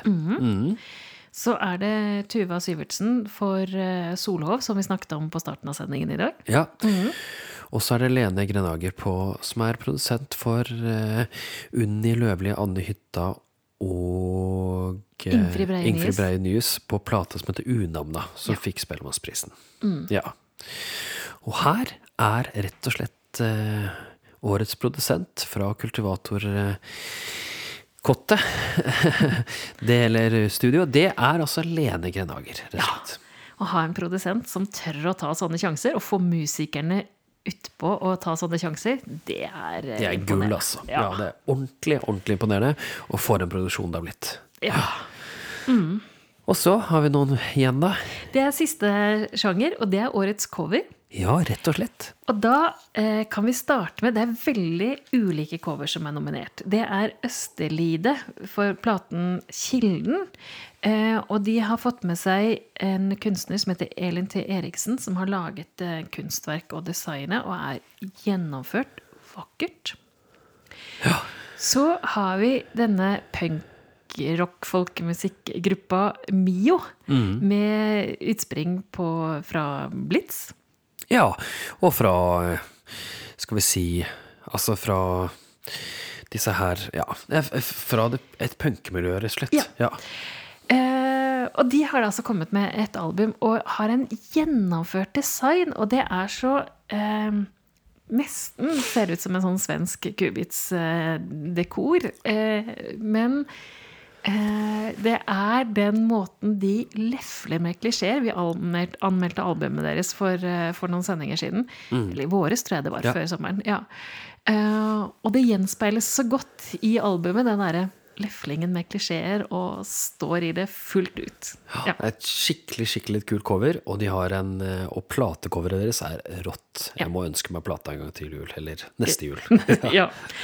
Og så er det siste, som er eh, eh, Spellemannslaget for fremming av Musegrodde slåtter. Og der er det jo Talik som har gitt ut, og der har de fått med seg sin ganske faste eh, designer, nemlig Eva Karlsson. Ja. Ja. Og det er et eh, ganske tradisjonelt cover på mange måter, men altså det er informativt, det er gjennomført, det er så mye tekst og bilder, og det kler hverandre så godt, og det passer så bra til plata. Ja, et veldig godt cover. Det er fryd å lese det. Og her har vi altså valgt ut en vinner gjennom litt krangling. Eh, men det ble til slutt Det ble Mio. Er rett og slett en gruppe og et cover som overrasker oss, og det er gøy. Og som vi gleder oss til å følge framover. Ja. Så gratulerer alle dere med eh, priser der. Det var en liten sånn tanke fra oss her i Kultivatorpodden til å gi priser til det som man kanskje ikke legger så godt merke til. Men nå skal vi begynne å runde av. Vi har spurt jentene hva som var deres eh, store ja, opplevelse i 2023. Så da tenkte jeg vi kan fortelle om våre også. Hva er ditt største musikklyttetips, da? Eller, og, og lyttetips, ja. Ja. Um, ja, vet du, det er en av de som vi har eh, nominert nå. Og det er plata Unavna. Ja. Med, med Anne Hytta og Unni Løvli og Ingfrid Breinius. Som sånn, ja, å ta sånne sjanser. Jeg syns det er så gøy. Ja. Og jeg syns at dere skal høre på disse produksjonene til Alios og til, em, til eh, Rossebø og Hana. Eh, disse produksjonene her, og høre hva de tør å ta tak i. Ja. Det er liksom mitt, mitt lyttetips gjennom året. Ja. Eh, Malmin heter Albumet Malmin heter albumet. Ja. Ja. Mm.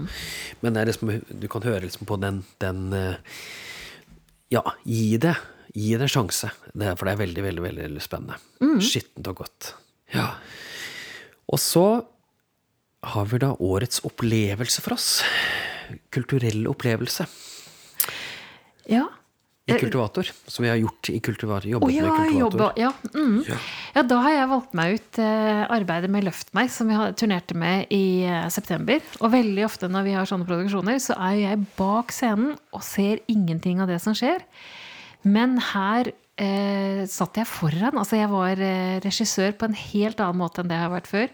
Og fikk, eh, fikk følge arbeidet og fikk se resultatet. Kanongøy. Ja, du er jo ofte litt bak, ja. Sånn som på min, eh, mitt største opplegg, eh, eller øyeblikk kanskje, det var nemlig å være i Grieghallen og spille på Folkårjubileet. Jeg kan jo sitte på scenen Ja. og se hvordan publikum reagerer på det som vi har jobbet med i så mange år. Det var helt utrolig, faktisk. Ja, det var eh, ja, gøy når salen reiser seg. Ja. Og når dronningen etterpå bifaller det vi har gjort, det er veldig, veldig, veldig morsomt, altså. Ja. Ja. Kultivator nå med kongelig bifall. ja. Siste Siste spørsmål da, Vegard. Er din eh, største musikalske opplevelse eller konsertopplevelse i år? Ja, og det er faktisk en intimkonsert som var i regi av Vågå konsertserie, som nå dessverre er eh, lagt litt på is. Eh, det var med Mattis Kleppen solo bassgitar. Jeg satt altså tre meter fra Nei, ikke det engang. Halvannen meter fra han, og hørte han fremføre Hardingfeleslåtter på bassgitar med en så laidback og god eh, tone at jeg ble Ja, det var helt utrolig. For en konsertopplevelse. Helt, helt nydelig, rett og slett. Og det er noen av de platene som vi har nede i platespilleren her, som går varmest for min del. Og du, da? Jo, det var også en litt sånn eh, overraskende opplevelse. Det var under Folkealarm i år, hvor jeg begynte egentlig å gå litt lei. Det er noe med at når du liksom får masse, masse inntrykk på kort tid eh, og Jeg begynte å gå ordentlig lei, så, men jeg skulle bare vente på noen, så jeg satte meg i lavvoen. Og så kom Gabba og skulle spille. Å, fy flate, for et liveband. Å, å, det var så gøy. Og det var liksom bare sånn Altså Når du egentlig sitter og bare skal holde deg litt varm mens du venter på noen før du går hjem, og så kommer det noe sånt noe. Åh, det er gull. Ja, jeg så de inne på store scenen, og det var også helt Jeg ble tatt, tatt litt sånn Ja, tatt litt på senga. For jeg syns ikke platene var så bra, men det de gjorde live, var rått. Superkult. Så jeg hører på, hører på platen nå med et litt mm, Skal vi si freshere øre, da. Ja. ja, Og det er jo gøy, da. At du fortsatt kan liksom bli overraska. Komme og bare sånn Jøss! Det liker jeg. Men du, nå har vi holdt på med denne podkasten her i litt over halvannen time. Ja. Jeg er nødt til å legge pinnekjøtt i vann. Ja, og jeg må rydde dette kontoret, rett og slett. Jeg må det. Det ser ikke ut her. Men det Eh. er noen timer til julen ringes inn. Ja. Men du, når er det vi kommer igjen med en ny podkast nå, da? Vi skal eh, lage sendeplan i løpet av julen, tenker jeg. Og så har vi en lang og god juleferie, men jeg tenker i starten av februar så begynner vi å Ja. krible litt i podkastmusklene. Ja. Og det, det blir litt sånn som før, at vi tar liksom en, en gjeng med, med eh, sendinger, og det er da slipper på mandager. Men det er bare å følge. Følg oss gjerne på, eh, på Facebook, Kultivator. Og så send oss gjerne e-post til kultivatorpodden, alfakrøllkultivator.no. Eller bare få tak i oss. Mette og jeg er ganske lett tilgjengelig. Mette sitt Instagram-konto heter Hjemmekontor, faktisk, så hun er ganske mye hjemme. Og jeg har alltid, alltid kaffe å by på hvis du kommer forbi. Ja, faktisk, her i Nord-Øra. Og min heter V. Vardal, og så er det Kultivator AS, da. Kultivator AS, som Ja. er de kontoene du kan følge hvis du har lyst til det. Og Kultivatorpodden på Facebook, der eh, nye sendinger slippes med informasjon om sendingen. Ja, der er litt mer informasjon. Og det er bare å ta kontakt med oss. Vi vil gjerne snakke, melde både plater, konserter, forestillinger, eller bare noe du har lyst til at vi skal diskutere. Så kom med det. Vi gleder oss til et nytt år. Så da Hva sier vi da til slutt? Gledelig jul og riktig godt nyttår. God jul og et heidundrende fett nytt år.